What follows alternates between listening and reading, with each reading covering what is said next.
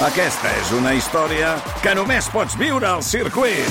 24, 25 i 26 de maig. Gran premi Monster Energy de MotoGP al circuit de Barcelona, Catalunya. Compra ja les teves entrades a circuit.cat. Viu-ho!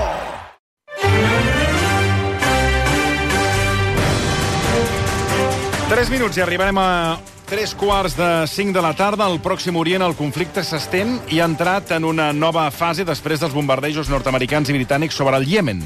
Els exèrcits dels dos països han atacat posicions dels rebels Houthis, aliats de Hamas, i l'Iran en el marc de la campanya militar per aturar els atacs de les milícies contra vaixells de mercaderies occidentals que circulen pel Mar Roig. Tot plegat mentre avui Israel centrava els seus esforços a respondre les acusacions de genocidi de Sud-àfrica davant la Cort Internacional de Justícia. Anem cap als Països Baixos perquè a l'Aia hi tenim el periodista i escriptor Ernesto Ekaizer seguint molt de prop el que està passant en aquest eh, tribunal. Ha assistit a aquestes dues primeres sessions d'aquesta batalla legal. Ernesto Ekaizer, bona tarda. Molt bona tarda, Toni. I gràcies per acompanyar-nos eh, avui també. Avui ha estat el torn, ahir escoltàvem eh, les acusacions de, de Sud-àfrica, i avui ha estat el torn d'Israel. Quins arguments han fet servir per respondre les acusacions que va presentar ahir Sud-àfrica de que Israel està fent un genocidi? Bueno, eh, la principal acusación, la principal defensa, como se sabe, es un buen ataque. Eh, Israel ha planteado que si hay genocidio, que ellos lo niegan, el único genocidio existente real es el cometido por Hamas el 7 de octubre del 2023. Es decir, la entrada de los milicianos de la organización Hamas en eh, Israel desde Gaza y la, el asesinato en una real carnicería de eh, alrededor de 1.200 personas y 240 rehenes que fueron tomados ese día. Entonces ellos dicen que ellos creen que la acusación de Sudáfrica mm, no es eh, correcta, que no hay genocidio, pero que si hubiera un genocidio, ese genocidio sería el de Hamas. Es decir, Israel sostiene de que mm, todo empezó el 7 de octubre y que el contexto precisamente es el 7 de octubre. Eh, la verdad es que la agresiva posición de Israel eh, se veía venir. Anoche mismo el ministro, mm, el Ministerio de Asuntos Exteriores eh, de, en Tel Aviv hizo un comunicado por el cual sostenía que mm, Sudáfrica se había convertido en el brazo legal de Hamas lo comentamos ayer aquí en este programa. Sí, señor. Eh, eh, eh, hoy ha ido mucho más allá de eso.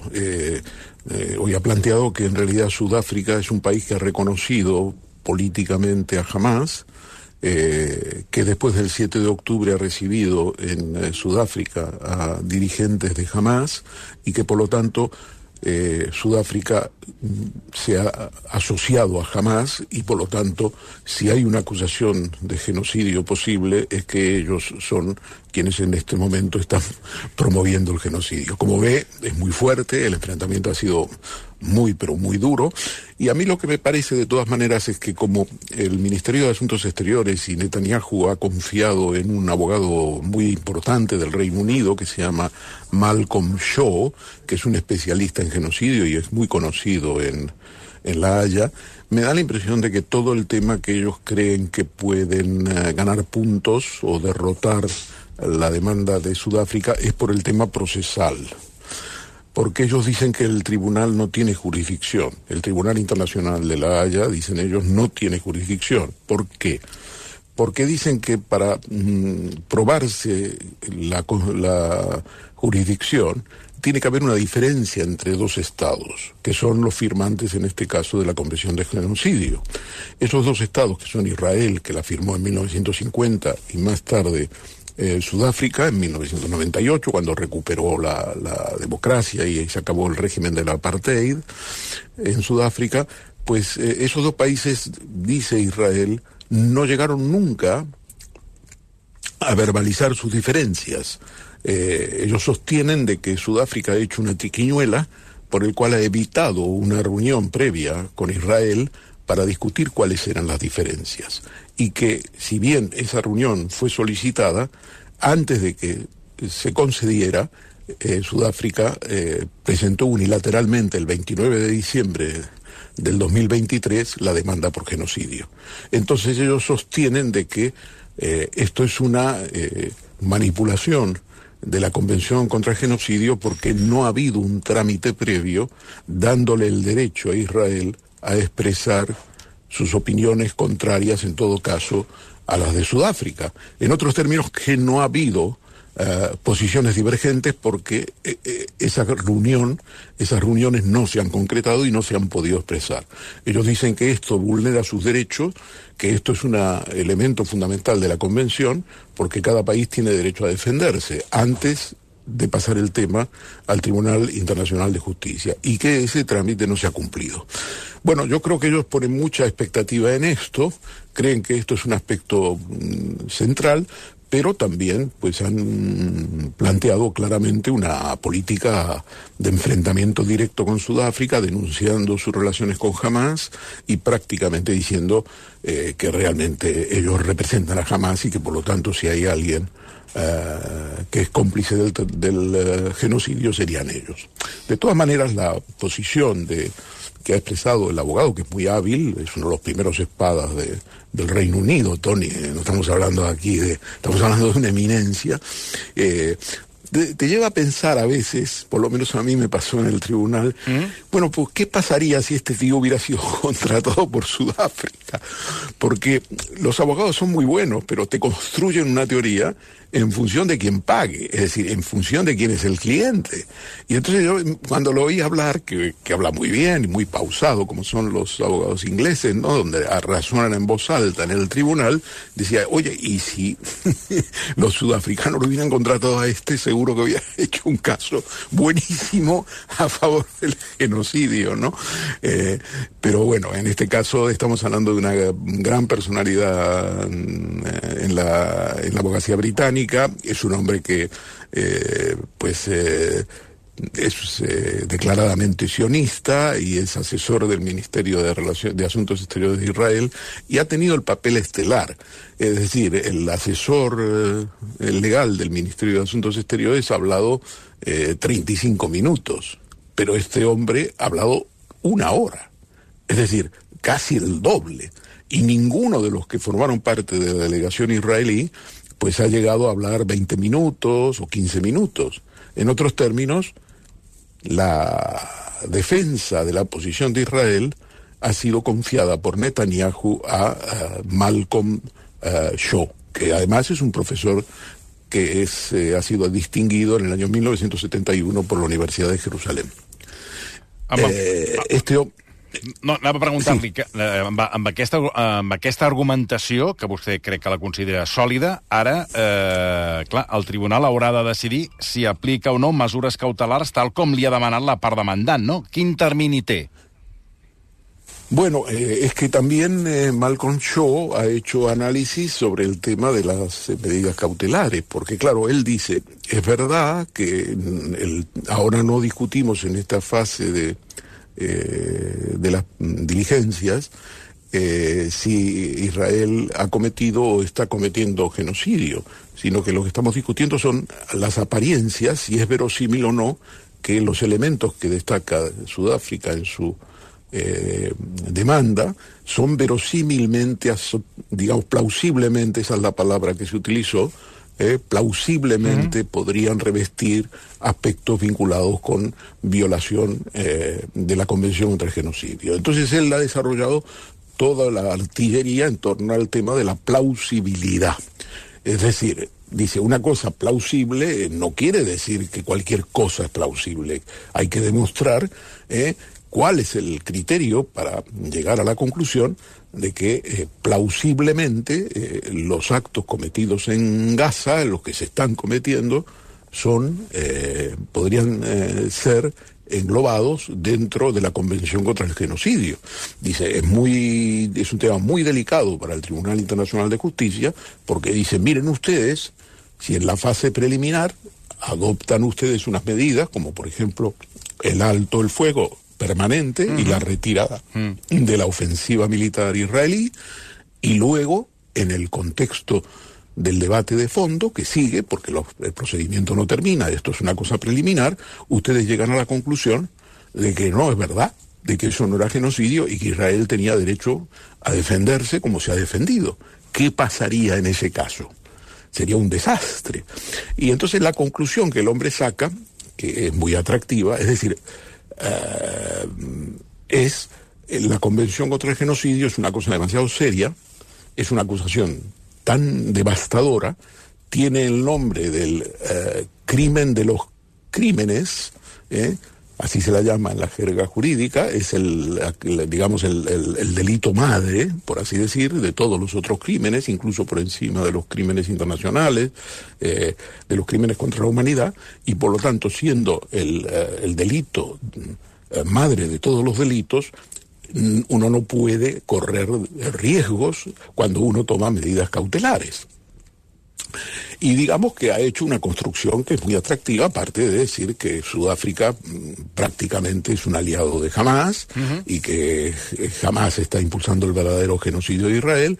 Y todo el ambiente, digamos, que ha descrito es el ambiente que ya empezó el... Eh, el eh, asesor de la relación de asuntos exteriores del Ministerio de Asuntos Exteriores eh, empezó su discurso diciendo que hombre que lo que está pasando aquí es una perversión, que los que han sufrido el genocidio, cuando mataron en, la Segunda Guerra Mundial 6 millones eh, de judíos, resulta que ahora eh, van a ser llevados al banquillo por un delito ah, de genocidio. Dice, nosotros somos muy conscientes de lo que es el genocidio porque, entre otras cosas, fíjese Tony lo que dijo, es que la Convención contra el Genocidio y el delito de genocidio es una promesa de la comunidad internacional a los judíos de que no se va a volver a repetir. Uh, ara, uh, Ernesto, després d'aquesta exposició, tant de la part demandant com la, la part que, que en aquest cas vostè ens relatava del de, de la defensa, uh, en quin tram entrem d'aquest uh, judici? Bueno, entramos en una fase, eh, lo dijo la presidenta, eh, verá, ahora tienen que resolver de manera inmediata se tomarán unas semanas para resolver sobre las medidas cautelares. Eh, se proponen una serie de medidas cautelares, de la cual la más importante, y para mí, digamos, la, medida decisiva, que si no resuelven eso, evidentemente todo el caso se cae, que es la paralización de las actividades militares y la retirada eh, de Israel, la paralización de la guerra, que es la principal medida que se pide, aparte de otras. Eh, eso es lo que van a resolver. Ahora, para resolver eso tienen que también abordar los temas de jurisdicción, si ellos tienen jurisdicción o no tienen jurisdicción. Y eh, hay casos efectivamente en los cuales se ha tomado esa medida cautelar, eh, que fue por ejemplo en el año 2020, en la pelea entre Gambia y Myanmar, y se decretó una medida cautelar de paralización de las actividades, y efectivamente en el sentido en que pide Sudáfrica ahora para eh, Israel en Gaza. Eh, de modo que antecedentes hay. El problema consiste en que tenemos que tener en cuenta de que eh, el fallo va a ser también inmediato porque eh, el 6 de febrero hay que renovar a cuatro miembros del Tribunal Internacional de Justicia. Y entre estos cuatro miembros está la presidenta, que es la, la jueza norteamericana Joan Donoghue. Entonces, eh, evidentemente el fallo va a ser antes, porque no le van a dejar la, eh, en fin, no le van a dejar la pelota a, cuatro nuevos jueces que vienen. Ya las audiencias preliminares se han terminado hoy, ha habido dos audiencias, ayer Sudáfrica y hoy Israel. Esto lo van a resolver, vamos, eh, yo creo que, como le digo, como le digo, eh, a finales de, enero, como mucho, como mucho a finales de enero, yo creo que va a ser inmediente. Entonces el problema aquí es eh, realmente, eh, en fin, un problema muy claro, porque si ellos no resuelven hacer un llamamiento y una exigencia a la paralización de la guerra, ¿Sí? como decía ayer uno de los abogados de Sudáfrica, Israel va a seguir adelante y va a consumar lo que ellos llaman el genocidio. Más allá de que se llame genocidio o lo que quiera usted ponerle como nombre, porque yo creo que aquí el debate es un poco, es la impresión que yo saqué, es un debate un poco em, bizantino, porque lo que están haciendo es una destrucción de Gaza. están matando a la gente, ya llevan 23, 24 mil eh, palestinos muertos, la mitad de ellos eh, eh, niños, y entonces todo el debate es un debate teórico muy interesante, pero que no tiene nada que ver con la realidad. La realidad es que en Gaza hay problemas con la electricidad, hay problemas con el agua, hay un problema donde la gente está muriendo por inanición, y aquí estamos discutiendo si la letra del artículo 4 es decir, eh, los eh, 15 eh, jueces, más los dos jueces que se agregan al tribunal, porque eh, las reglas del tribunal hacen que cuando tú haces una demanda, eh, tú puedes agregar a los 15 jueces del panel estable un juez por el que demanda y otro juez por el mm, demandante, demandado. Entonces hay 17 jueces. pero claro, en esos jueces está la jueza norteamericana que preside el, el tribunal esta mujer que, hay que renovarla el 6 de febrero y eh, digamos Estados Unidos va a jugar fuerte. Estados Unidos está jugando fuerte se opone no solo a la paralización de las actividades sino a un mínimo alto el fuego. Entonces lo que va a entrar aquí es a jugarse una batalla política en el seno del tribunal en el seno de los países que influyen y luego está la otra cuestión y es que supongamos que el tribunal en una decisión que es inapelable, porque no se pueden apelar, eh, decide que se paralice la actividad militar eh, de Israel. Supongamos por un momento, yo no digo que lo vayamos a ver, más bien soy más bien pesimista, pero supongamos que lo dice porque se produce aquí una situación en la cual se dan cuenta de que si ellos no deciden que se paralice, nadie lo va a decidir y esto va a seguir así hasta el final. Eh, entonces supongamos que eh, lo deciden. Israel va a acatar o no va a acatar. Dado cómo está jugando las cartas Israel, yo creo que no va a acatar. Creo que no va a acatar. Entonces, si no acata, eh, ¿qué quiere decir esto? ¿Que esto no vale nada? No. Si no acata, quedará marcada Israel violando las Naciones Unidas, mm, considerando que lo que dice las Naciones Unidas, si no les favorece a ellos, no vale, y por lo tanto todos los países que apoyan a Israel tendrán más dificultades políticamente en sus propios países para seguir adelante. Por lo tanto, no es irrelevante. Pero lo que le quiero decir yo es que no necesariamente va a acatar. Por ejemplo, Israel ya desacató en el año 2004 una resolución de Naciones Unidas que consideró que la construcción del muro famoso de hierro eh, era eh, un rasgo de discriminación y de apartheid. Y, y, le ordenó que frenara la construcción de ese muro. Ese muro está construido y, y ya vemos cómo funciona. Por lo tanto, estamos en una situación eh, para mí dramática. Eh, decidirán en unas semanas qué medidas toman. Si no se ordena la paralización de la guerra, la situación va a evolucionar eh, más dramáticamente y como usted decía al inicio del programa, ya la guerra se está generalizando. Lo que está pasando en el Mar Rojo y, la guerra, con digamos, en los ataques norteamericanos y británicos contra los hutis, la situación en el Líbano, vamos, eso, ¿qué quiere que le diga? Yo vamos, ahí es, eh, tiras una cerilla y... Y prende todo. ¿No, Ernesto? Ah, sí, sí, así es. Estaba reflexionando sobre lo que decía. Entonces, bueno, yo me alegro de haber podido cubrir esto porque realmente la situación es muy interesante.